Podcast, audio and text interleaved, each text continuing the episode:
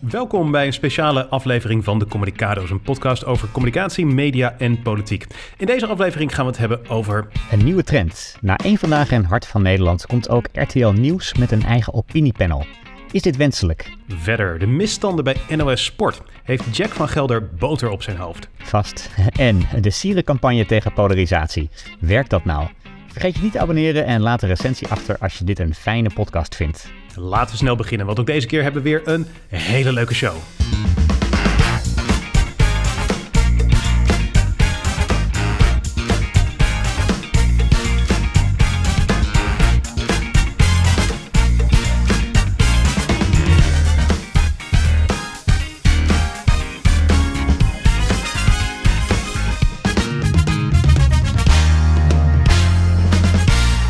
Jij bent nog lekker van de vakantie aan het genieten, Lars. Eh, zeker. Twee maanden in Zuid-Amerika en het is eh, genieten hier. Je bent aan het eh, rondreizen. Je bent op dit moment in Chili, geloof ik, hè? Ja, Chili en ja, we zijn in Santiago begonnen en door het merengebied afgedaald naar eh, Chiloé, nu Patagonië. En ehm, ik krijg wel eens de vraag van, wat, ja, hoe is Chili? Ik zou zeggen, het is een soort van Zwitserland, maar dan met vulkanen en zonder mensen. Oké. Eh, ik dacht, ik zet wat statistieken op een rij. In Nederland heb je ruim 500 mensen per vierkante meter. Uh-huh. Eh, in een provincie als Drenthe is dat 188. Chileens Patagonië, waar ik nu ben, is dat 3. Jeetje. Dat geeft wel een beetje aan hoe ongelooflijk dun bevolkt het hier is. En dat betekent dus ook dat je echt overal fantastische natuur ziet. Zonder dat de mooiste plekjes zijn volgebouwd met dure huizen en hotels. Dus het is echt heel. Puur en, en, en mooi hier. En dat, ja, dat zie je in Europa eigenlijk eh, niet meer. En ik zie dat jij gewoon eh, heerlijk eh, een zonnetje op jouw eh, gezicht eh, hebt. Terwijl in Nederland zitten we gewoon vandaag in de stromende regen. Ik heb net eh, hard gelopen terwijl het gewoon echt non-stop regende. Dus alleen dat eh, Ja. is al een reden voor mij om jaloers te zijn.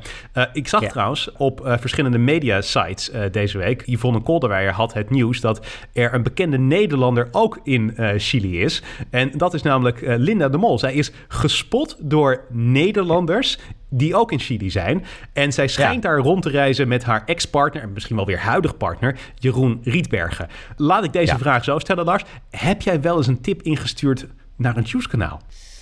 Die vraag kan ik eh, bevestigen, nog ontkennen. Oh, oké.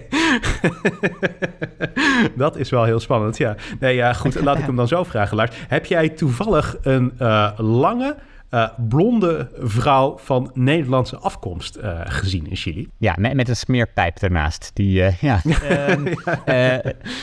Eh, nee, ik heb ze niet gezien. Nee, ik heb ze niet gezien. nee. Dus ik, eh, ik, ik begrijp dat het was een prachtige scoop geweest, Victor. Je, je had natuurlijk liever gezien dat ik ja had gezegd eh, nu. Maar nee, ik heb ze niet eh, gezien en ook niet getipt. Oké, oké, goed. Nou, dan hebben we dat in ieder geval even helder, inderdaad. Ja, ja. Eh, oké. verder even, eh, voordat we doorgaan met de, de rest eh, van de onderwerpen, neem ons even heel kort mee in hoe jouw leven daar nu twee maanden in Chili echt totaal anders is dan in Ja. eh, Nederland. Eh, want ik kan me voorstellen dat, nou ja, sommige gemakken die je misschien hebt in Nederland, dat die daar in Chili opbreken. Ja, er zijn eigenlijk een paar dingen die, die mis ik ook wel echt eh, hier. Ehm, eh, internet, dat is gewoon echt... In de grote steden prima, maar daarbuiten heb je gewoon geen bedraad internet. Dus dan staat er ook boeking dat er wifi is in een hotel. En dan is de praktijk dat dat een modem is met 3G-internet. Waarbij je ja, heel vaak gewoon een uur lang geen internet hebt. En als je het wel hebt, dat je dan eh, vijf minuten moet wachten voordat één internetpagina geladen is. Dus eigenlijk is internet hier heel, eh, heel slecht. Tenzij, ik heb het nu twee keer gehad, er Starlink is. Oeh. Ik ben stiekem toch alweer een beetje fan geworden van eh, Elon Musk. Want eh, als er Starlink is in een hotel, nou, dat, dan is het internet gewoon eh, nou, net, net zo snel als thuis. Ik word gewoon al zenuwachtig van het idee dat je überhaupt een dag geen internet hebt. Laat staan meerdere dagen. Oh, wat vreselijk. Nou ja, kijk, ik ben hier aan het rondrijden. En dan ben je, ben je soms een paar uur aan het rondrijden zonder dat je überhaupt bereik hebt. Oh. Dan denk ik toch wel van, ja shit, als ik straks een lekker band krijg of zo. wat, wat, Ja. wat dan? Ja, ja zeker. niet dat je... eh, normaal gesproken zou ik in Nederland waarschijnlijk, waarschijnlijk een YouTube-fragment kijken van... oh ja, een eh, band vervangen. Hoe gaat dat ook alweer? Maar ja, nee, ja hulp vragen of een YouTube-filmpje eh, kijken. Nee, dat, Ja. dat, dat lukt niet. Ehm, koffie. Ik dacht, ik ga naar Zuid-Amerika, Brazilië, Colombia om de hoek. Ja, koffielanden. ik ga hier de beste koffie ooit drinken. Ja, helaas. Eh, Chili is geen koffieland. Ik heb nu al twee keer meegemaakt dat ik in een restaurant een eh, espresso bestelde. En vroeg van, hebben jullie espresso? En, ja, ja, ja, we hebben espresso. Dan krijg je op een gegeven moment krijg je een, wordt er een kopje met eh, warm water gebracht. Uh-huh.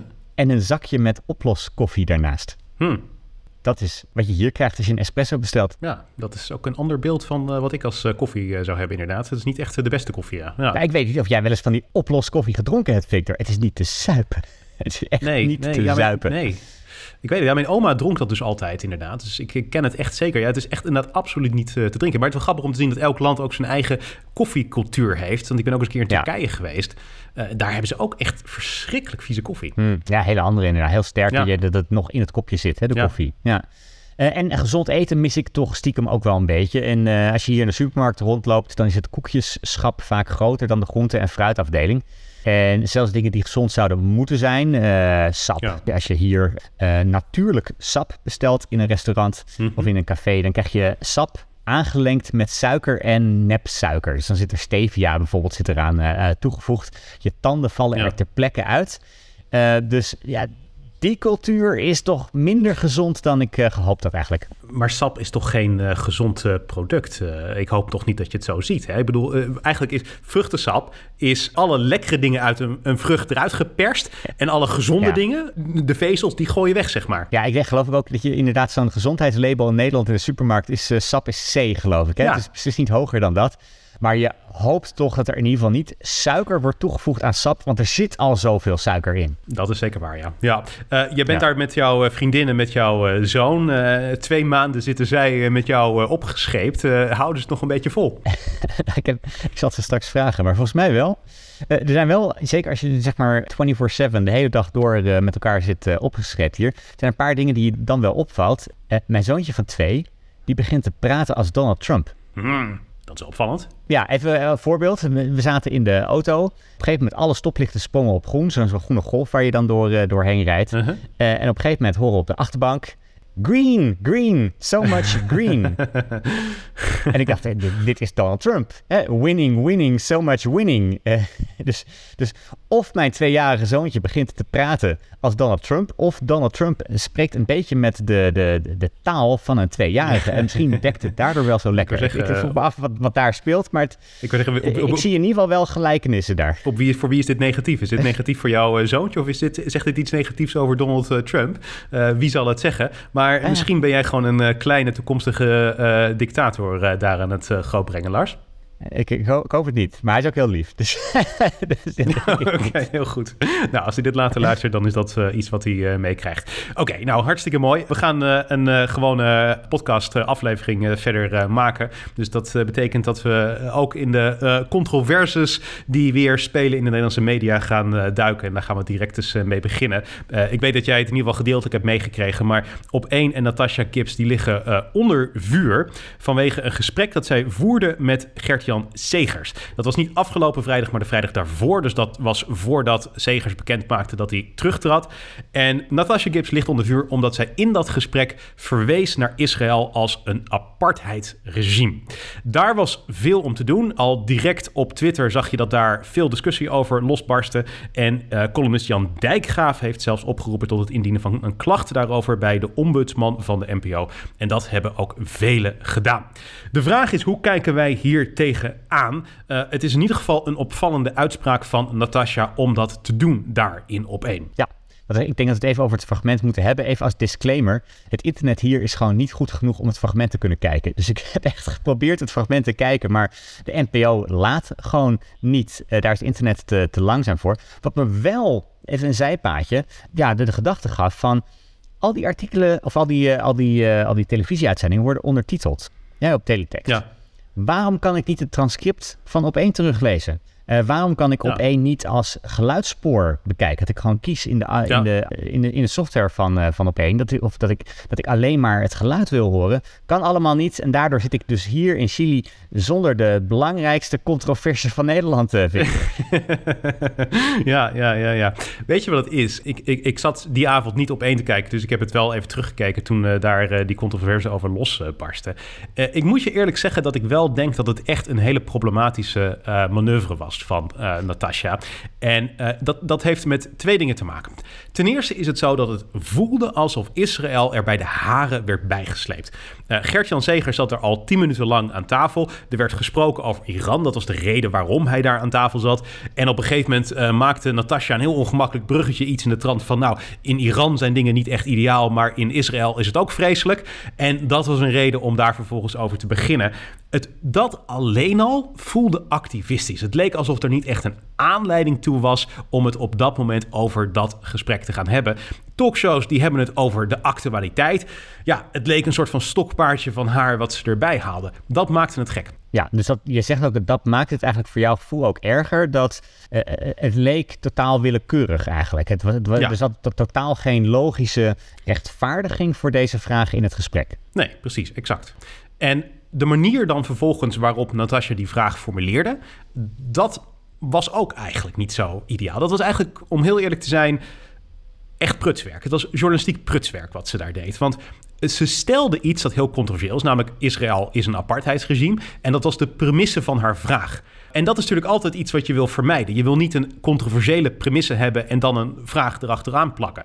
Uh, dus het zou heel gek zijn voor mij om de vraag te stellen van... Uh, Lars, we weten allemaal dat jij regelmatig je vriendin slaat... maar uh, ben Sorry? je wel aardig tegen de buurvrouw? Weet je wel, dat is een hele gekke vraag om te stellen. Want ja, jij, jij slaat je vriendin niet. Dus als ik dat dan stel, dan, dan is dat natuurlijk wel een, een kwetsende, kwalijke opmerking. Dus je, je wil nooit de meest, het meest controversiële deel van, van je vraag als premisse stellen. Dat moet je dan eerst toetsen bij iemand. Ja, maar is het hier werkelijk zo controversieel? Want ik, ik, ik ben in Israël geweest uh, twee jaar geleden. Het is toch ook gewoon een apartheidsregime? Er is toch ook gewoon een bezettingsmacht die andere regels en wetten hanteert voor Palestijnen dan voor Israëliërs met een Joodse achtergrond? Nou, kijk, Nederlandse regering en ook Gert-Jan Segers, die zien het als een territoriaal conflict. Um, en uh, mensen kunnen daarover verschillen van mening, want dat, dat gebeurt inderdaad. En, en is het een uh, uh, apartheidssituatie? Nou, daar mag je wat mij betreft elke mening over hebben die je maar wil. Maar het is in ieder geval niet de standaard manier om daar tegenaan te kijken. En het verschil is dat in een territoriaal conflict is er een andere rol voor in dit geval de Palestijnen. De Palestijnen hebben een groter aandeel in hun eigen lot dan de zwarten in Zuid-Afrika dat hadden. Want dat is natuurlijk waar de term apartheid vandaan komt. Hè? Dat is waar het naar mhm. verwijst. Dus om die twee situaties aan elkaar gelijk te stellen, dat is iets wat door heel veel instanties wel echt uh, als uh, te ver uh, gaan wordt gezien. Maar nogmaals, je mag daar anders natuurlijk over denken. Dat, dat, dat is gewoon de vrijheid waar we hier in, in leven. Maar als je dat dan aan de orde wil stellen, en nogmaals, mijn eerste punt is van, ik weet niet of dit nou het moment en het gesprek is om dat te doen, maar als je het aan de orde wil stellen, dan moet je dat ook gewoon toetsen bij uh, Gert-Jan Segers. Je kan bijvoorbeeld wel zeggen van, uh, meneer Segers, rapporten van Human Rights Watch, Amnesty International en de Verenigde Naties stellen dat Israël een apartheidsregime voert. Is dat een kwalificatie die u overneemt en vindt u dat de Nederlandse regering dat ook moet doen? Nou, als hij dan zegt nee, dat vind ik niet en dit is waarom, dan kan je daarop doorvragen en dan kan je uh, scherp krijgen waarom hij dat niet doet. Maar nogmaals, door het gewoon te stellen alsof het een feit van algemene bekendheid is, ja, dat is echt unfair. Want dat is gewoon niet het geval. Daar wordt echt anders over gedacht. En Natasha Gibbs, last time I checked, is niet iemand die een expert is op het gebied van Israël of Palestina. Dus om dan zo'n controversiële opmerking daar zomaar te droppen in dat gesprek, dat neigde meer naar activisme in plaats van zuivere journalistiek. Jeroen Pauw had het zo niet gedaan. En dat was dus omdat ze geen bron aanhaalde voor haar uitspraak, maar suggereerde dat het haar eigen standpunt was in deze. Of misschien zelfs wel suggereerde dat het gewoon een feit was. Dat, dat, dat is ja, een precies, dat vanzelfsprekend ja. is. Ja, exact. Dat geeft aan dat ik ik, ik denk dat zij... Ik bedoel, zij wordt gezien bij BNN als een talent. En dat is ook de reden waarom ze uh, heel snel gepromoveerd is... van het radioprogramma, uh, de nieuwsbv van BNN naar Op 1. Maar ze presenteert het nog niet verschrikkelijk lang. En ik denk dat dit laat zien dat een talkshow zoals op één voor haar op dit moment echt nog een maatje te groot is. Uh, dit is echt onhandige journalistiek. Uh, wat ik zei, Jeroen Pauw, Even Jinnik, die zouden dit echt anders hebben aangepakt. Weet je waar mijn twijfel zit? Nee. Ik erger me eh, aan weinig dingen terwijl ik hier zo in Chili zit. Maar een van de dingen waar ik me wel aan heb geërgerd de laatste tijd is de journalistiek van de NOS als het gaat om Oekraïne. En mhm. dat, dat, was bijvoorbeeld deze week was er een bericht dat uh, er zijn weeshuizen in uh, Oekraïne, in bezet Oekraïne. En er worden mhm. kinderen worden daar ontvoerd door Rusland en geïndoctrineerd in Rusland. En dan schrijft de NOS daar een bericht over. En dan is de eerste zin van dat bericht. Rusland haalt weeskinderen uit de bezette Oekraïnse gebieden en geeft ze een nieuw leven in Rusland. Mhm. En dan denk ik, wordt een beetje gesuggereerd alsof, alsof het barmhartige Samaritanen zijn. Noem het gewoon ontvoering.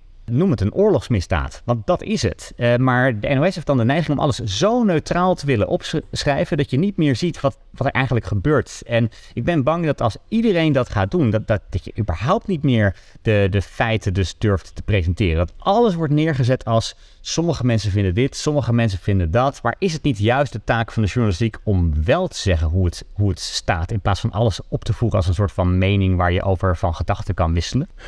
Uh, Kijk, ik vind ook de term. Ik heb dat artikel uh, niet gelezen waar jij uh, naar verwijst uh, van de NOS. Maar ik vind de term ontvoering direct al heel ver gaand. Kijk, het punt is een beetje dat dat niet een feit is, maar dat is een kwalificatie.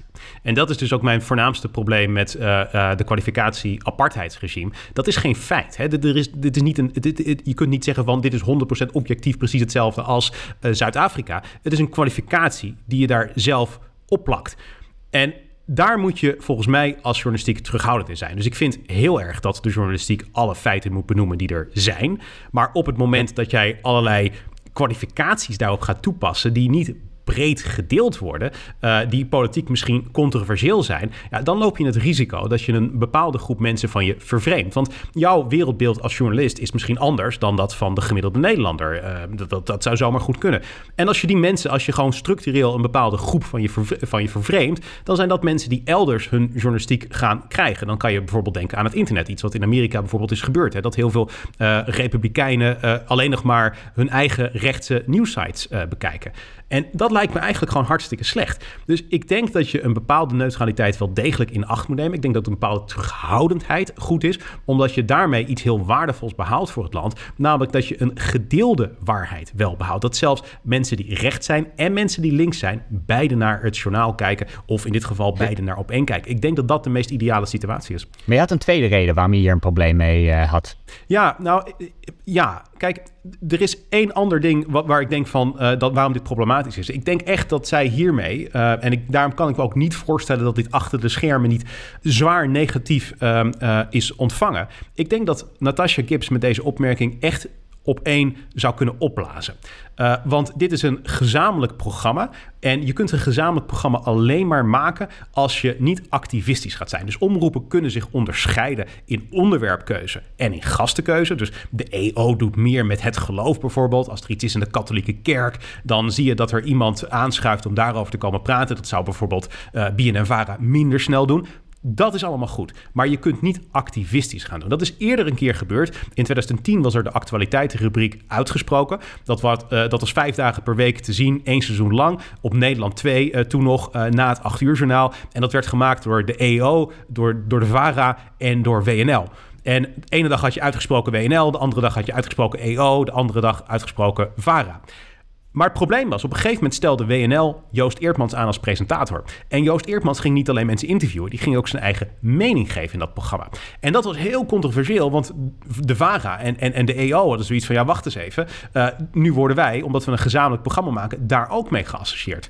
En BNL zei van, ja maar wacht eens even, de kijkers zien uh, het misschien als een ander programma, want het is door Joost Eertmans gepresenteerd, de WNL-presentator. Maar dat werkt niet. Het is uiteindelijk een gezamenlijk programma met een gezamenlijke vormgeving en de kijker maakt niet het onderscheid tussen de dag dat het door WNL gemaakt wordt of door BNNVARA gemaakt wordt. Dus het feit dat Natasha Gibbs het zegt op de BNNVARA-dag van op 1, uh, neemt niet weg dat heel veel mensen uiteindelijk gewoon die opmerking van haar zullen associëren niet met BNNVARA, maar met op 1 in het algemeen. En die zullen daar de andere omroepen ook op aankijken. Het zal misschien moeilijker worden voor op 1 om pro-Israël gasten in de toekomst in hun programma te krijgen. Dat is wat er is gebeurd met Uitgesproken. Dat programma is na één seizoen geklapt. Gewoon totaal uit elkaar gespat. Omdat er knallende ruzie was. Omdat uh, Joost Eerman constant zijn mening aan het geven was. Dus dit heeft echt de potentie om zeer schadelijk te zijn voor op één. En ja. daarom zei ik van, ik kan me niet voorstellen dat ze hier blij mee zijn eh, bij de redactie en bij eh, de zenderleiding. Ja is natuurlijk wel meer het Joost Eertmans effect. Hè? Overal waar Joost Eertmans optuikt, daar spat het uiteindelijk volgens mij uit elkaar. Uh. We blijven het in ieder geval uh, volgen zoals uh, altijd. Ja. Ehm, laten we eens naar iets anders gaan. Want ik heb de afgelopen tijd me een beetje zitten verdiepen in een nieuwe trend voor actualiteitenprogramma's in Nederland.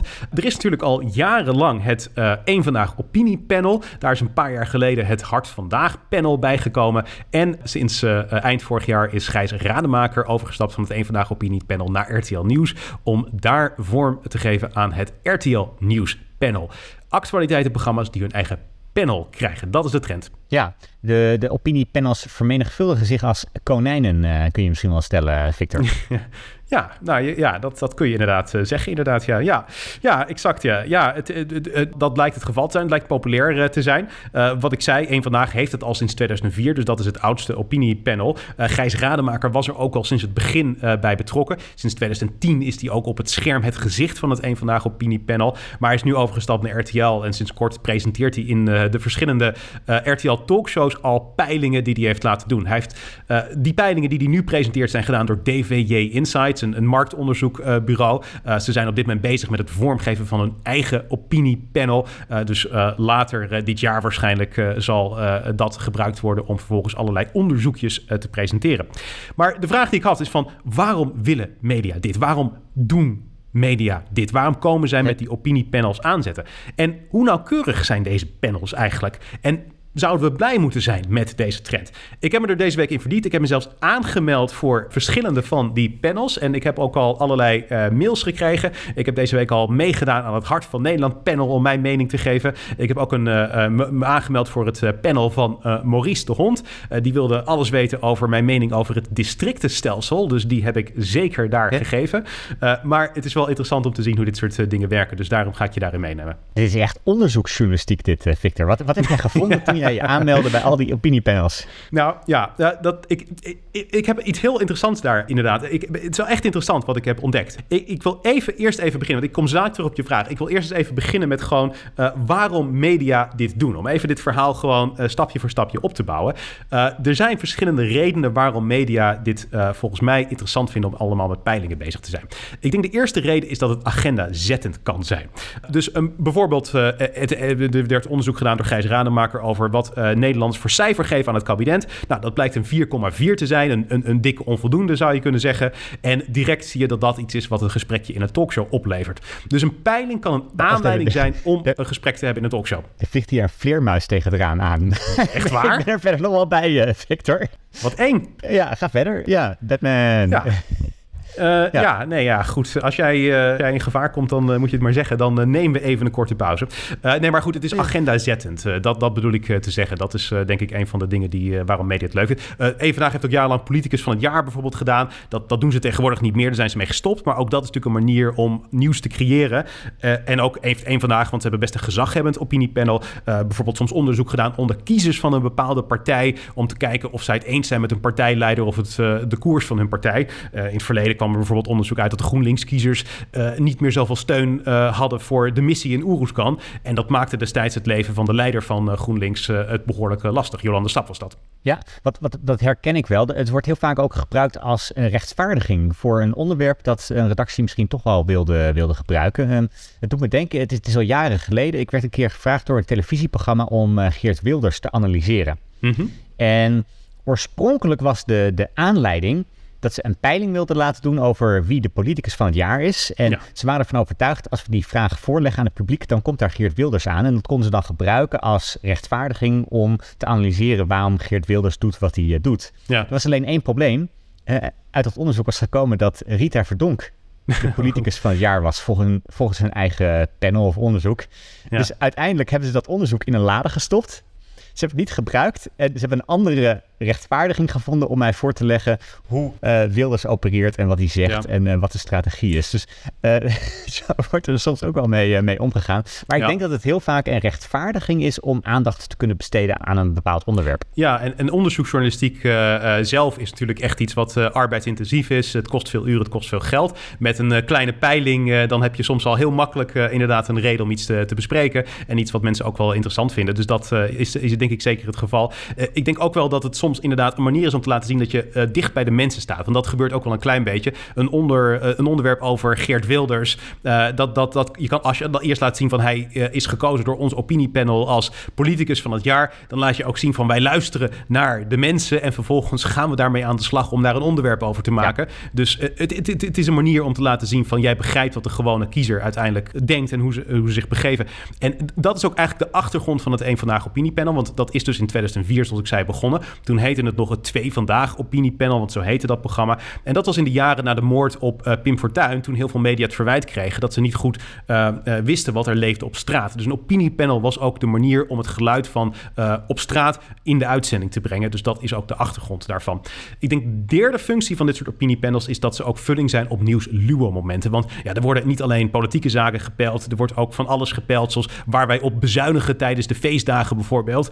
als je even verlegen zit om nieuws, dan kan je altijd even een peiling de deur uitgooien. En uh, dan vervolgens uh, kan je daarover praten als dat een uh, opmerkelijke uitkomst is. Ik kreeg deze week van het Hart van Nederland panel een, een, een, vraag. Ja, die sturen overigens dagelijks zelfs een vraag uit. Met of ik, als ik een kind had, of ik liever had dat dat naar het MBO gaat of naar het HBO gaat. En daarbij verwezen ze ook naar nieuws dat MBO'ers soms meer verdienen dan HBO'ers. Dus wat is mijn mening daarover? Ja, dat is ook een manier om maar gewoon even wat nieuws te creëren. Dat kan weer een onderwerpje zijn in de uitzending. Of overigens in half acht, waar ook heel veel van dat soort stellingen aan de hand van het Hart van Nederland panel worden besproken. Uh, maar opvulling op nieuwsluwe momenten. Maar wat heb jij ingevuld bij die peiling? Uh, nou, ja, ik heb ingevuld dat uh, de, de, exacte formulering was: soms verdienen MBO'ers meer dan HBO'ers. Wat zou je ervan vinden, hypothetisch gezien, als je een kind had wat naar het MBO ging? toen heb ik ingevuld: ja, dat zou ik geen probleem vinden. Ik zat er later wel over na te denken: van ja, zou ik dat echt vinden? Of is het misschien de manier waarop de vraag is gesteld, dat het een klein beetje sturend was. Dus daar had ik wel bij van, hmm, ik weet niet of ik dit nou zo'n sterke vraag vind. En dat is wel een probleem wat ik een beetje heb met sommige van deze panels. Het moet zorgvuldig gebeuren, het peilen van de meningen van het land. Daar heb je echt expertise voor nodig.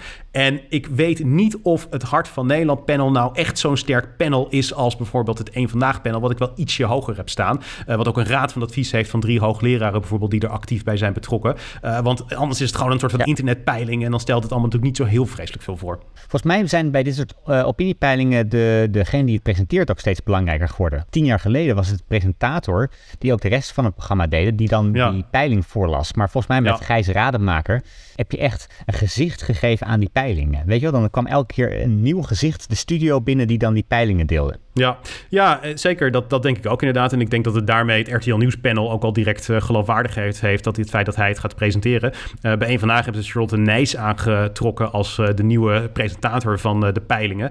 dus ik, ik denk inderdaad dat het ook een nieuw gezicht is, ja.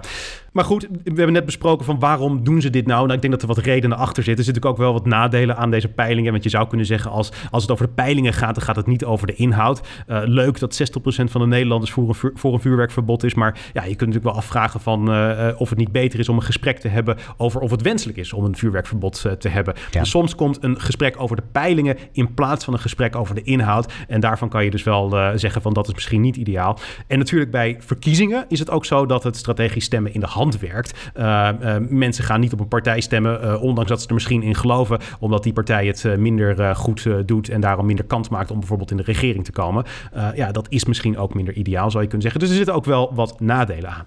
Maar ik wil het eigenlijk hebben over de vraag hoe nauwkeurig ze eigenlijk zijn. Want ik heb wel echt iets heel interessants uh, ben ik tegengekomen. Het één Vandaag opiniepanel heeft 70.000 leden. Dat is best wel uh, veel. Het is daarmee uh, een groot opiniepanel. Hart van Nederland heeft bijvoorbeeld maar 40.000 leden. Maar ja, dat is tegelijkertijd ook iets korter geleden opgericht. Maar het interessante daarbij is dat het, het, het Vandaag panel, het één Vandaag opiniepanel, is niet het opiniepanel wat de maandelijkse zetelpeiling van één vandaag doet. Dus er is een zetelpeiling van als er nu verkiezingen zouden zijn, hoeveel zouden verschillende partijen dan krijgen aan zetels in de Tweede Kamer? Die wordt gedaan maandelijks door in opdracht van één vandaag. Maar dat doen ze niet met hun eigen opiniepanel. En toen dacht ik wel van, dat vind ik eigenlijk wel bijzonder. Dat verbaast mij. Als je een opiniepanel hebt waar je heel veel moeite en tijd investeert en geld investeert, dan zou je toch een zetelpeiling ook laten doen door dat. Ze besteden dat uit aan een extern bureau, Ipsos. Dat is ook al een heel bekend peilingbureau. Dat doet al jarenlang allerlei politieke peilingen en andere peilingen, ander marktonderzoek, ook in opdracht van bedrijven. Maar die doet dat. En dan is dus de vraag, waarom is dat zo?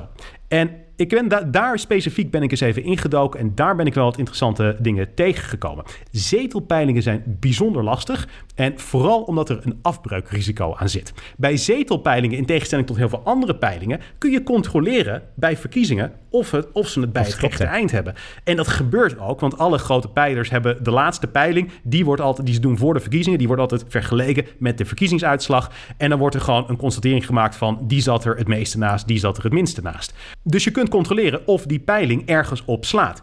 Dat maakt hem een groter risico. En dat maakt dat er ook veel meer afbreukrisico aan zit. De professionele peilers in Nederland, uh, die zitten er gemiddeld 20 zetels naast. Dus dat is al flink wat. Hè? Dus 20 van de 150 zetels die wijzen zij toe aan de verkeerde partij. Maar voor een opiniepanel gaat dat nog waarschijnlijk een veel grotere foutmarge hebben. En dat is de reden waarom één Vandaag het waarschijnlijk niet doet. Want het één Vandaag opiniepanel is niet representatief voor de Nederlandse bevolking. Het zijn namelijk kijkers van één Vandaag voor het grootste deel. Want anders, ja, hoe weet je dat er een één Vandaag opiniepanel is als je dat programma uh-huh. niet kijkt? En het zijn ook nog eens een keer de kijkers van dat programma die hun mening willen geven. Die zich zelf aanmelden om vervolgens mee te doen aan dat panel. Dus dat zijn mensen die een motief hebben. Misschien zijn het mensen met sterke politieke meningen of die een sterke zendingsdrang hebben. Daarmee heb je dus automatisch niet de Nederlanders die misschien minder politiek betrokken zijn. Maar ja, die ook gewoon Nederlanders zijn. En in een democratie tellen zij natuurlijk ook gewoon mee. En als je steun voor een bepaald idee wil meten, dan moet je ook die mensen vragen om hun mening. Dus wat zij doen, zij wegen wel naar wat ze zeggen zes variabelen. Dus dingen zoals leeftijd, geslacht, opleiding, burgerlijke staat, spreiding over het land en politieke voorkeur gemeten naar de laatste Tweede Kamerverkiezingen. Maar je hebt nog steeds te maken met mensen die zich zelf hebben aangemeld voor dat panel. En dat maakt het problematisch. Ja, het is eigenlijk een doodzonde bij heel veel peilingen. Die self-selecting bias die, uh, die je dan hebt, doordat inderdaad een hele uh, niet representatieve groep mensen zich dan aanmeldt. Ja, precies, exact. Dat is exact wat het probleem is. Maar alle andere serieuze peilers in Nederland, hoe komen die eigenlijk aan hun uh, gegevens? heb jij enig idee, Lars, hoe een peiler zoals Ipsos aan zijn informatie komt? Uh, bellen ze niet gewoon random uh, mensen op uh, met een telefoon? dat is vroeger, denk ik. maar ik, ik, denk dat, dat misschien die ook wel de, mensen zichzelf laten aanmelden... en dan steeds een hele kleine groep van die aanmelders dan kiezen of zo. Maar ja, nee. Ik dacht in eerste instantie ook dat ze zouden bellen, maar dat doen ze inderdaad niet meer. Dat heeft te maken met het bel me niet register. 8 miljoen Nederlanders staan in het bel me niet register, dus die kun je überhaupt niet bellen. En van die overgebleven Nederlanders, ja, daar neemt een heel groot deel de telefoon niet op als het een onbekend nummer is. En van die mensen die je daar dan van overhoudt, willen er heel veel mensen ook nog eens een keer niet meewerken aan een peiling. Dus uh, het is ontzettend moeilijk om dat representatief te krijgen. Dus dat is sinds het bel me niet register gewoon geen optie meer in Nederland. Wat de meeste echte grote bureaus doen, dat is ook het bureau van Maurice de Hond, Pijl.nl, maar ook Ipsos uh, en INO Research en Kantar. Wat zij doen is, zij hebben hun eigen panels. Dus dat lijkt heel erg op het Eén Vandaag Opiniepanel, waarbij ze ook gewoon een panel hebben. Alleen er is één cruciaal verschil. Zij hebben een panel wat ze gebruiken uh, om ook marktonderzoek te doen voor bedrijven.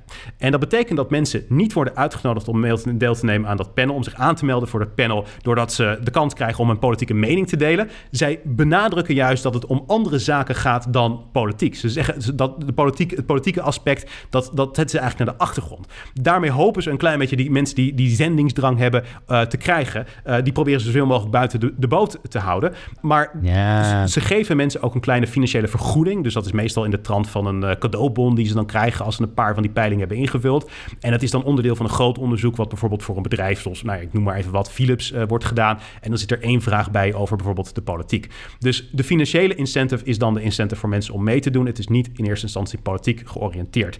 Daarnaast, naar al die andere dingen waar ze voor wegen, kijken ze ook naar politieke uh, voorkeur en politiek interesse. Dat is ook wel een van de dingen waar zij bijvoorbeeld ook voor wegen. In welke mate zijn ze geïnteresseerd voor politiek.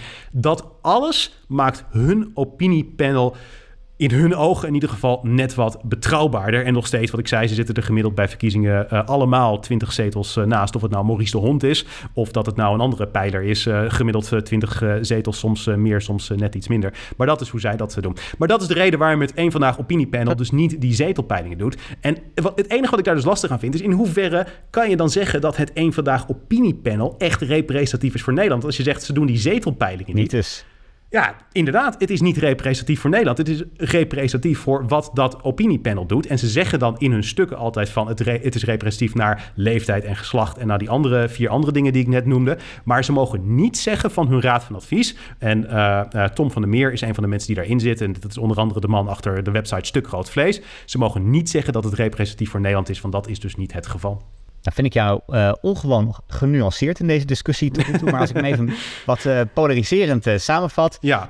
eigenlijk weten dit soort of opiniepanels dat, dat hun peilingen heel onbetrouwbaar zijn. En daarom gebruiken ze ze niet op momenten dat het echt belangrijk is. Of dat we kunnen controleren of daadwerkelijk klopt wat er gezegd wordt. Maar op andere momenten als ze op zoek zijn naar een rechtvaardiging voor een item. Of naar opvulling van een uitzending. Dan gebruiken ze die opiniepanels wel. Ja, ik denk eigenlijk dat de conclusie is van deze opiniepanels uh, zijn leuk en aardig, maar we moeten het allemaal wel met een korreltje zout nemen. Uh, en met ook wel een flink korreltje zout, want uh, het is niet representatief ja. voor Nederland inderdaad. Ja. Ja. nog één heel klein okay. dingetje. Ik kwam toevallig erachter dat Maurice de Hond niet langer de peilingen doet voor Hart van Nederland. Dat was in het begin van het Hart van Nederland panel wel het geval. Weet jij hoe oud Maurice de Hond is, Lars? Is hij, is hij al in de 70 inmiddels, begin 70? Hij is 75. Je, ik moet zeggen dat je zou het hem niet geven op basis van uh, hoe hij eruit ziet. Want hij ziet er echt wel jonger uit, moet ik zeggen. Maar hij is inderdaad 75. Uh, officieel uh, doet hij nog steeds peilingen. In zijn naam op pijl.nl worden ze nog gedaan. Maar het is wel overgenomen door het bureau No Ties. Een onderzoeksbureau wat ook andere peilingen doet. En ook al een tijdje doet. ik, ik heb het idee dat uh, Maurice met uh, in ieder geval op dit vlak uh, met semi-pensioen is. Dat ja, het nog wel op zijn website in zijn naam gebeurt, maar dat zijn betrokkenheid daar wel veel minder was dan in het verleden. en nou ja, goed, op 75-jarige leeftijd kan ik me daar ook ja. wel wat bij voorstellen. Hij had het natuurlijk ook druk om fulltime corona-expert te zijn. Ja, ja, ja, ja. En hij heeft grappig genoeg een autobiografie net uitgebracht. die man is 75, maar in heel veel opzichten still going strong. We moeten het uh, dan hebben over iets anders. Uh, uh, want ik neem je gewoon mee naar al deze controversies die er zijn. Er is al grote controverse bij NOS Studio Sport. En er zijn al jaren verhalen over een vervelende werksfeer bij het programma. eind vorig jaar werd bekend dat er een onderzoek gedaan gaat worden. na de misstanden bij De Wereld Draait Door is er het besef gekomen dat er echt iets aan gedaan moet worden. Maar wat er precies aan de hand is, dat wisten we niet. Maar op 27 uh, december is in het Noord-Hollands Dagblad een interessant artikel verschenen met eigenlijk een heel aantal hele concrete voorbeelden van de werksfeer bij NOS Studio Sport. En ik vind eigenlijk dat dat artikel meer aandacht verdiende dan ja. het heeft uh, gekregen. Misschien omdat het tussen de feestdagen in zit en iedereen uh, nog aan het gourmetten was, uh, heeft het dat niet gekregen. Maar journalist Maarten Koolsloot, die zoals die zelf ook zegt eventjes bij NOS Sport heeft gewerkt, die beschrijft daar echt in van wat er allemaal gebeurd is op die redactie daar. En ik vond dat eerlijk gezegd best wel shocking om dat daar te zien. Ja, en ze heeft hij ook echt groot aangepakt. Hè? Volgens mij heeft hij iets ja. van 28 mensen gesproken. En uh, ja, hij, hij, noemt echt wel heel veel concrete dingen. Ja. Wat eigenlijk het meest opviel, ik heb het artikel gelezen, jij stuurde het uh, door, uh, hoe weinig aandacht het kreeg. Want het, het, het, is eigenlijk gepubliceerd en daarna waaide het totaal ja. over. Volgens mij is het vooral A, omdat Noord-Hollands Dagblad een minder grote naam is. Als, als dit in de Volkskrant of NRC had gestaan, dan had het volgens mij meer aandacht gekregen. Denk het ook. En twee, omdat je, er zit een, er zit best goede paywall op die, op die site. Je kan geen enkel artikel van Noord-Hollands Dagblad kan je lezen. Dus bij de nee. Volkskrant of NRC zou je het nog kunnen lezen. Maar ik, ik vrees dat heel weinig mensen buiten de vaste abonnees daardoor het artikel hebben kunnen lezen. Ja, dat zou best kunnen inderdaad, ja. ja. Maar goed, dat is een extra reden om er wel even hier uh, bij stil te staan... van wat staat er nou in dat artikel? Wat zijn nou de concrete voorbeelden? Uh, er wordt daar een, een, werkcultuur beschreven bij NOS Studio Sport... die er ook al jaren en jaren is. En dat wordt omschreven als een mannencultuur. Vrouwen zijn er nauwelijks. Uh, sommige van de mensen die er werken, die werken er ook al heel erg lang... en die hebben een echt onaantastbare status. Dat geldt voor verschillende presentatoren bijvoorbeeld. Nieuwkomers krijgen heel weinig kansen... en denigerende opmerkingen, dat is iets wat er absoluut bij hoort. Dus dat is een, nou ja, een redelijk harde manier van die cultuur te beschrijven. Wat zijn de concrete voorbeelden die Maarten Koolsloot uh, daarin uh, aanhaalt? Nou, ten eerste porno kijken op de werkvloer. Uh, dat, dat, dat wordt gezien daar als een soort van ontspanning na een stressvolle dag werken. er wordt zelfs in het artikel gezegd van ja, het is af en toe een beetje ongemakkelijk als er net een belangrijke gast langsloopt op de redactie en dat er nog allerlei edele delen in beeld te zien zijn. maar dat is dus iets wat regelmatig is gebeurd in het verleden en er wordt niet ingegrepen. Nou, Lars, jij bent iemand die ook uh, medewerkers hebt. Jij hebt een bedrijf, die Betrix. Als bij jou porno op de werkvloer wordt gekeken, kan ik me voorstellen dat je ingrijpt. Is, zeker als het op een gezamenlijke uh, computer gebeurt. Hè? Als het op, op, een, op een werkcomputer gebeurt. Ja, ja precies. Ja. En dat, dat, dat, nou ja, goed, ook dat, dat gasten dat dan, uh, dat het zo gewoon is geworden dat gasten dan ook inderdaad dat zien. Dat, dat lijkt me inderdaad erg ongemakkelijk. Maar goed, dat is een van de voorbeelden. Een ander voorbeeld was een eindredacteur die een medewerker van een voetbal, voetbalprogramma dusdanig vaak heeft lastiggevallen dat anderen spreken over stalking. Nou, dat vind ik ook best wel vergaand. De betrokken eindredacteur werkt er overigens nog steeds. Derde voorbeeld, er is melding gemaakt van een presentator die ongewenst gedrag vertoonde jegens een vrouwelijke medewerker. De presentator werkte nog steeds, de vrouwelijke medewerker verdween zonder dat er toelichting werd gegeven over waarom zij daar niet meer werkt. Allemaal vrij opmerkelijke dingen. Geeft aan dat er kennelijk een cultuur daar is uh, waar echt alles is toegestaan. En het laatste voorbeeldje, wat ik nog misschien wel het meest saillante voorbeeld vond. Uh, ik ga hem gewoon even voorlezen, de drie zinnen zoals die in het mhm. artikel uh, staan. Een van de folkloristische verhalen gaat over een vrouwelijke presentatrice eind jaren 90. Meerdere redacteuren vertellen verhalen over hoe zij werd uitgekafferd na uitzendingen. Een bijna mythisch element van het verhaal is dat zij FA Cup als FA Cup zou hebben uitgesproken. Belachelijke nitwit, dat is de toon. Nou, dat is natuurlijk uh, dat je denkt van, uh, oei, dat is best uh, smeuig. Ja, en volgens mij wat, wat, wat echt dan aan het verhaal werd gekoppeld, dit werd niet zomaar gebruikt om één presentator belachelijk te maken, want dan is het echt vooral pestgedrag, denk ik. Mm Dit werd gebruikt voor een breder punt dat vrouwen niet in staat zijn om het over voetbal te hebben bijvoorbeeld. Hè? En, en, zo in die context wordt het verhaal ook opgevoerd. Uh, dat is die mannencultuur inderdaad uh, waar uh, over wordt gesproken, ja. Ja, ik zat me wel af te vragen, wie is die vrouwelijke presentator eigenlijk van Studio Sport? En dat is niet zo heel moeilijk om te achterhalen, want als je gewoon op Wikipedia gaat kijken, zie je gewoon een lijstje van alle presentatoren van Studio Sport en oud-presentatoren ook. En er zijn gewoon niet zo heel veel vrouwelijke presentatoren geweest eind jaren 90, dus er zijn niet zo heel veel kandidaten. Het gaat om Danielle Overgaag. Dus toen dacht ik van, ik ga eens kijken of als ik ga googlen op Danielle Overgaag en FA Cup, of ik dan het fragment misschien kan vinden. Dat kon ik niet vinden. Het staat uh, niet uh, online op dit moment. Maar toen kwam ik iets heel anders opmerkelijks tegen. Ik kwam een artikel tegen waarin Jack van Gelder vertelt over dit incident. Hij vertelt dat Danielle Oerlemans, want zo heet ze tegenwoordig, Danielle Overgaag is getrouwd met Reinoud Oerlemans. Uh, Danielle mm Oerlemans uh, zou deze blunder hebben gedaan. Dat heeft hij uh, breed uit verteld uh, al bij uh, Radio 538. Evers staat op destijds.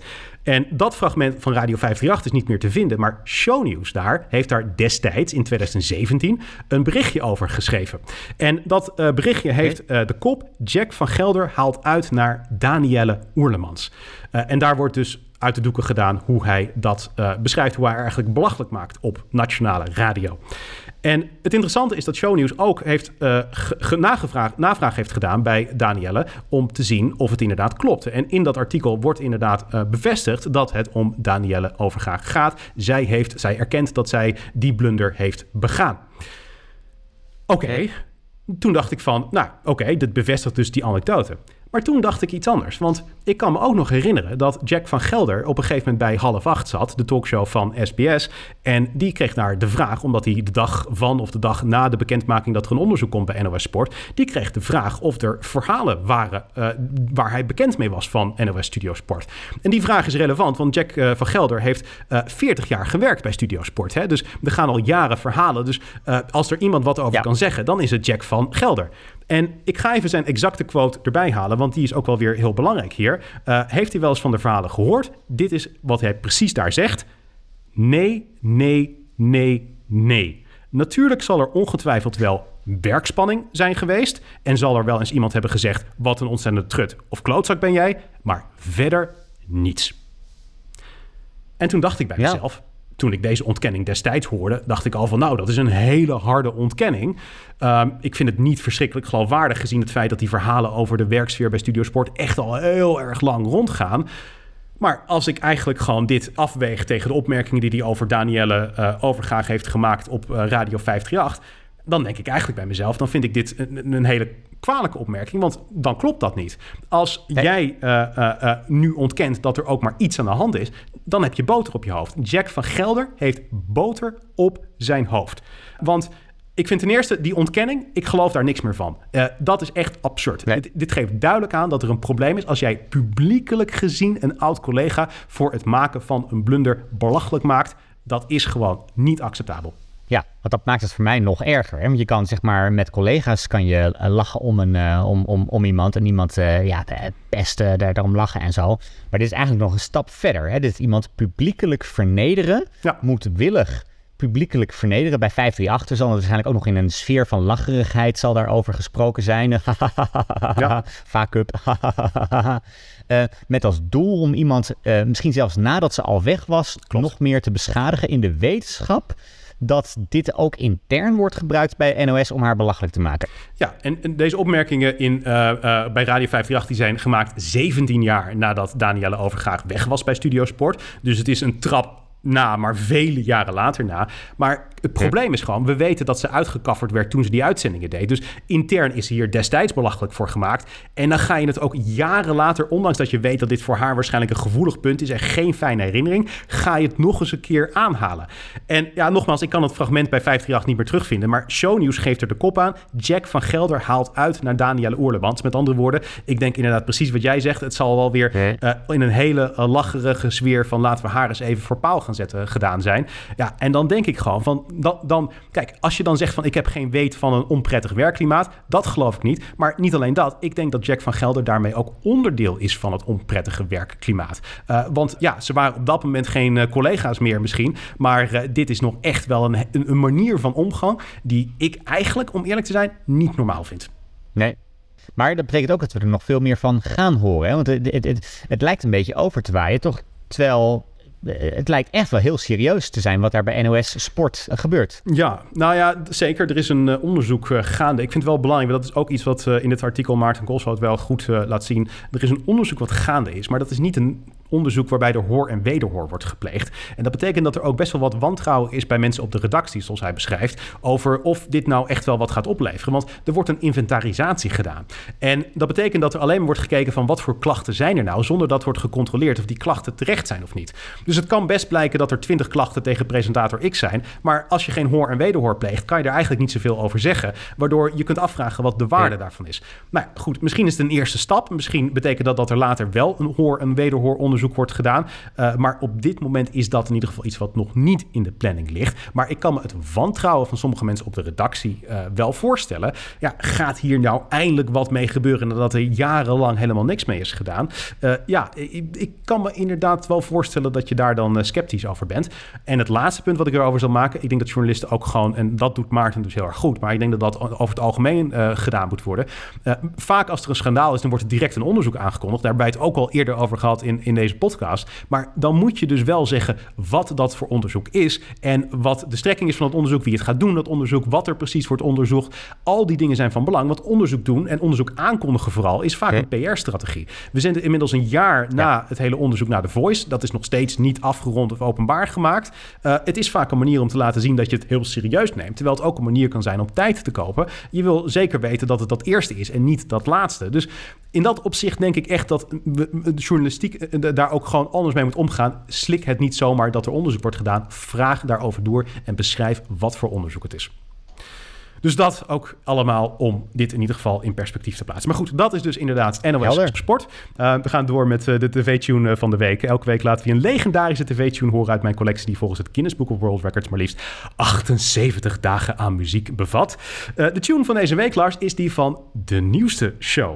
Ter ere van Arjen Lubach, die afgelopen week werd uitgeroepen... tot mediapersoonlijkheid van het jaar. Dat is een prestigieuze prijs die sinds 1991 wordt uitgereikt. Eerder is hij gewonnen door... Frans Klein, John de Mol en Matthijs van Nieuwkerk. Oké, okay, wacht even, dit zijn de verkeerde namen. Oké, geloof me, het is een prestigieuze prijs in ieder geval.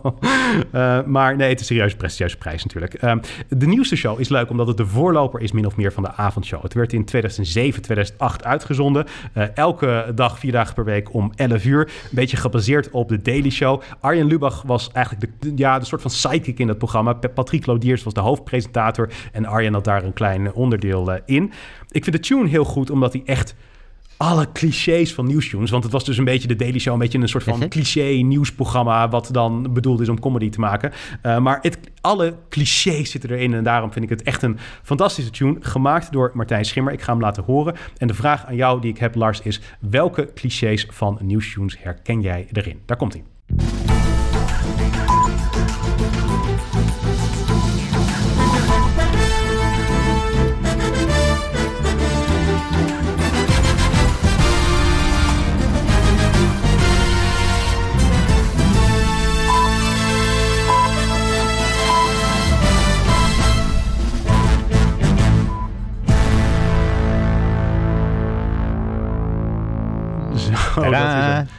Wat herken je?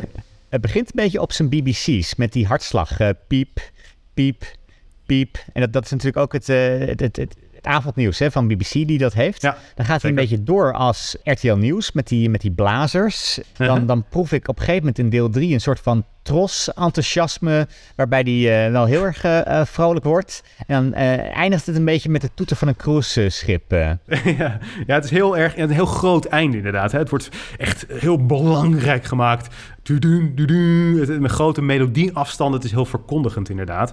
En dat zag je bij, in de jaren negentig voor heel veel nieuwstunes inderdaad. Ja. ja. Het zijn alle clichés opgestapeld met eh, ja, gewoon eh, de bedoeling om er een beetje de spot eh, mee te drijven. Ik vind het erg goed gelukt. Daarom is het de tv-tune van de week. Maar goed, de tv-tune van de week, de nieuwste show, dat was hem dus. Oké, dan hebben wij Sieren, de stichting Ideële Reclame.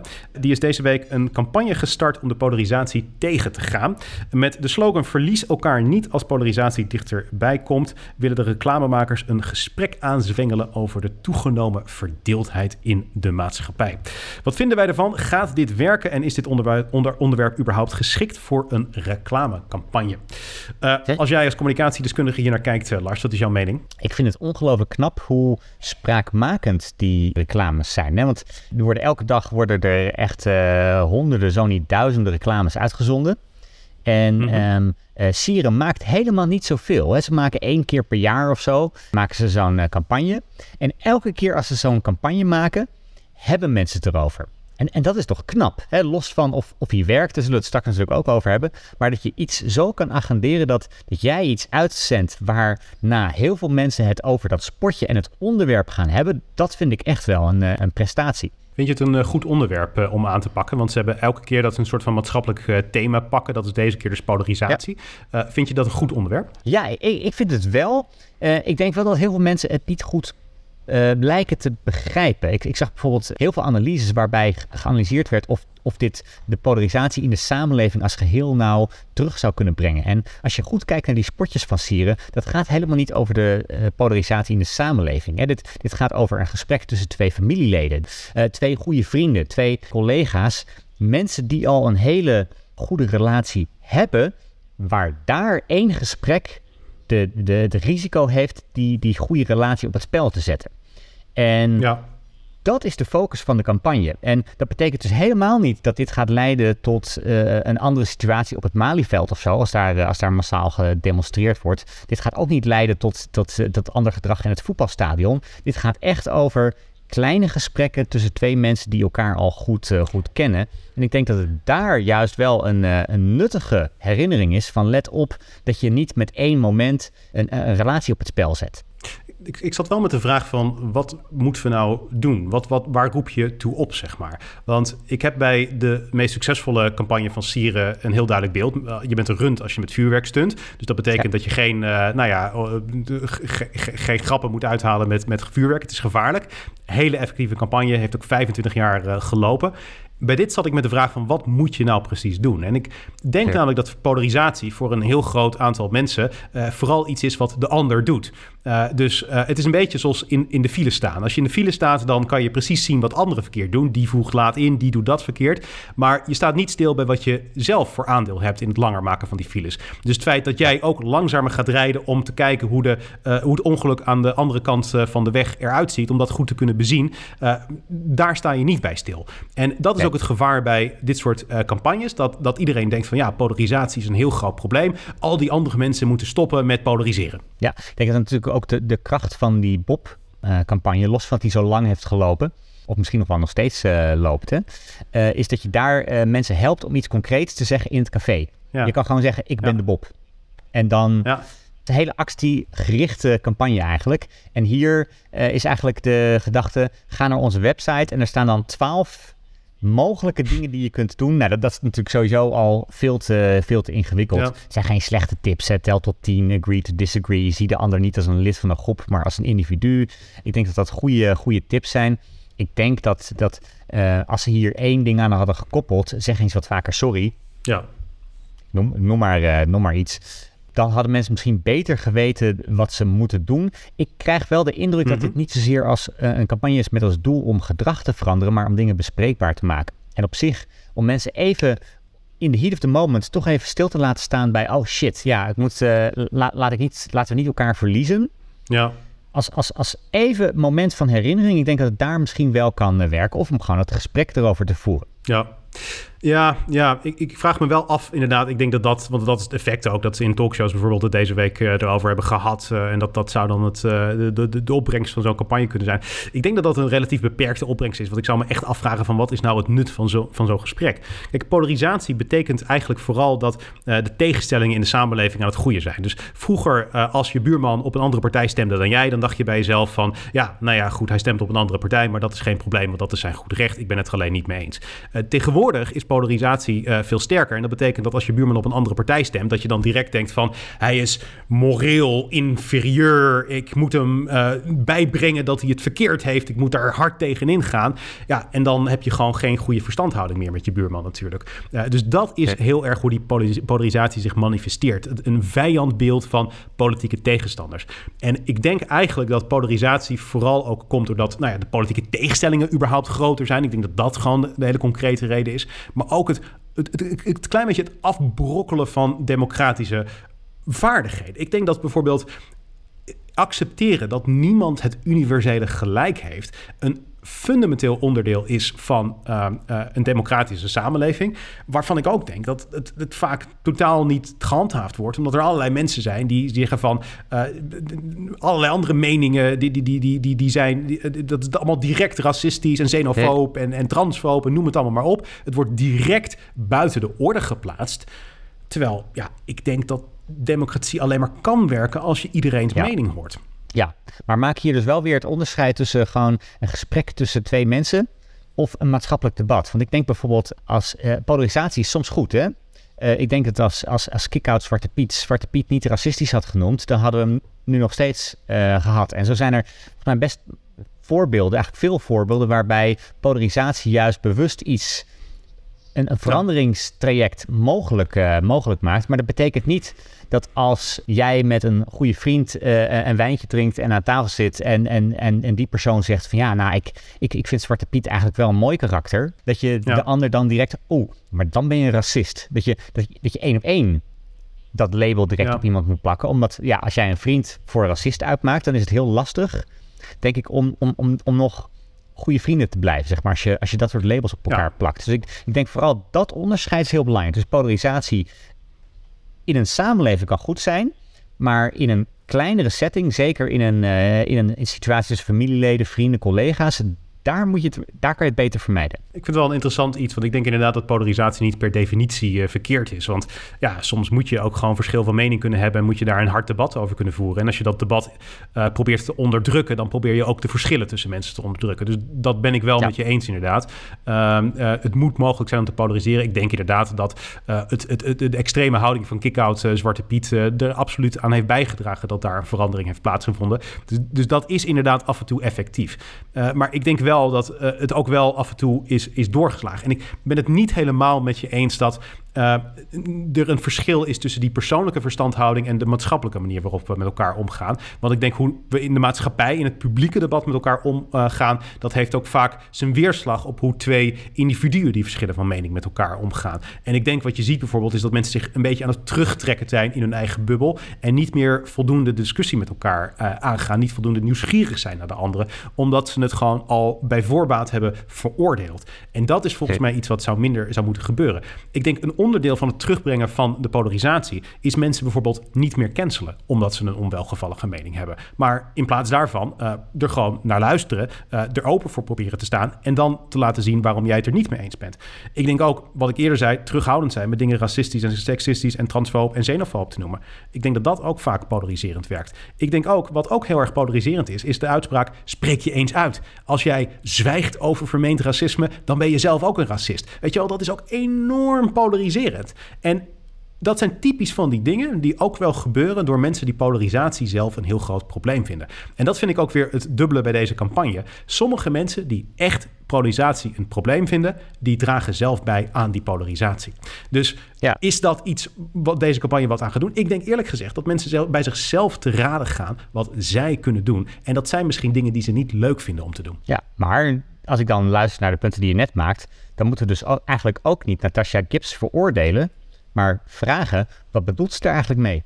En haar een kans geven om dat uit te leggen. In plaats van haar nu uh, toch een soort van te cancelen van ze is, ze is ongeschikt om dit programma te leiden. Ja, maar ik vind als uh, onafhankelijk uh, journalist dat je dit op een andere manier had moeten aanpakken. En ik denk dat dit niet een journalistiek zorgvuldige werkwijze is. Dat heeft niet zoveel met haar mening te maken. Ik denk namelijk dat als Natasha Gibbs daar een standpunt had geuit waar ik het wel heel erg mee eens was, dan had ik het nog steeds niet ideaal gevonden. Dus daar heeft dat niet zoveel mee te maken. maar ik denk wat cancelen vooral is, is dat mensen die een mening hebben, ja, die niet gedeeld wordt door vooral de, ja. de grachtengordel elite, om het maar even populair te zeggen, dat die dan direct uh, buiten de orde worden geplaatst. Ik denk dat dat soort dingen echt wel uh, ja, minder ideaal zijn. Misschien het laatste punt om even één ding uh, positief te eindigen over Sieren. Het feit dat ze, zij dit niet politiek hebben gemaakt. Dat je niet het idee hebt dat zij een bepaalde politieke stroming meer of minder veroordelen. Dat vond ik wel goed eraan. Ik heb het idee dat het echt politiek ja. neutraal is. Uh, en uh, nogmaals, dat zie je wel eens anders bij een oproep om niet te polariseren. Dus dat ja. vind ik wel een compliment waard. Heel goed. Ik ben benieuwd hoe lang die campagne gaat lopen, want dat bepaalt natuurlijk uiteindelijk het ja, effect. ik ook niet Ja, zeker. Ja. Ja, ja, klopt. Ja. Ja. ja, wat ik zei, uh, de, uh, de niet stunten met vuurwerk heeft... Uh, je bent een rund als je met vuurwerk stunt, heeft 25 jaar gelopen. Dus dat maakt ook hem deels effectief, ja. Maar goed, dan is het weer tijd voor Vraag het Vic en Lars. De rubriek waarin we elke week één vraag van een luisteraar beantwoorden. In deze onzekere tijden zijn wij jouw bron van wijsheid gratis en voor niks. Je kunt ons een vraag stellen door een mailtje te sturen naar vraaghetvikanlars.gmail.com. Dat mag een vraag zijn om advies, om onze mening of zelfs iets persoonlijks en zelfs impertinents. De vraag van deze week komt van Sandra. Ze schrijft: Beste Vic en Lars, ik luister elke week naar jullie podcast en merk dat ik jullie tijdens deze winterstop ook echt mis. Dus hopelijk kriebelt het toch bij Lars en nemen jullie ook tussendoor een podcast op. Nou, kijk, je wordt nou, op je wenken bediend, hey. Sandra. Waar ik wel benieuwd naar ben, en dat is specifiek een vraag aan Lars, in Chili en Argentinië hebben ze natuurlijk een hele andere cultuur dan hier in Nederland. Een echte communicado is natuurlijk ook een communicado op vakantie. Wat valt je daar het meest op? Goed, Sandra, PS, hopelijk is de tune nu weer zonder kerstvibes, want hulde aan Victor voor de poging, maar toch was die uiteindelijk wel minder swingend dan het origineel. Nou, ook op dat vlak, Sandra, ben jij op je wenken bediend hierbij, want de gewone tune ja. is weer terug. Maar Lars, de vraag is gericht aan jou. Is de Zuid-Amerikaanse ja. manier van communiceren anders dan de Nederlandse, vraagt zij. Ja, dat denk ik zeker wel. Um, uh, met twee beperkingen natuurlijk die ik heb. Ik spreek niet uh, Spaans, dus, dus ja, dan, dan, dat beperkt je heel erg in de, in, in de communicatie en wie je spreekt. En als toerist kom je natuurlijk vooral mensen tegen die in de toeristische sector werken. Hè? Dus, dus dan moet je altijd voorzichtig zijn met, uh, met hele snelle conclusies. Een paar dingen vallen me wel op. Een beetje cliché misschien, maar mensen lijken hier echt wel veel vriendelijker dan in, in, in Nederland. Ik merk dat bijvoorbeeld in het verkeer. Ja? Ik dacht, daar kom je natuurlijk wel echt normale Chilenen tegen. Het gebeurt dan bijvoorbeeld dat als ik vanuit een uitrit de grote weg op wil slaan en ik wil zeg maar links afslaan, waardoor je eigenlijk ook nog over die weghelft uh, heen moet. Dat gaat nu gewoon twee keer is gebeurd dat gewoon aan beide kanten auto's beginnen te stoppen en signaleren van kom maar, ga er maar tussen. Okay.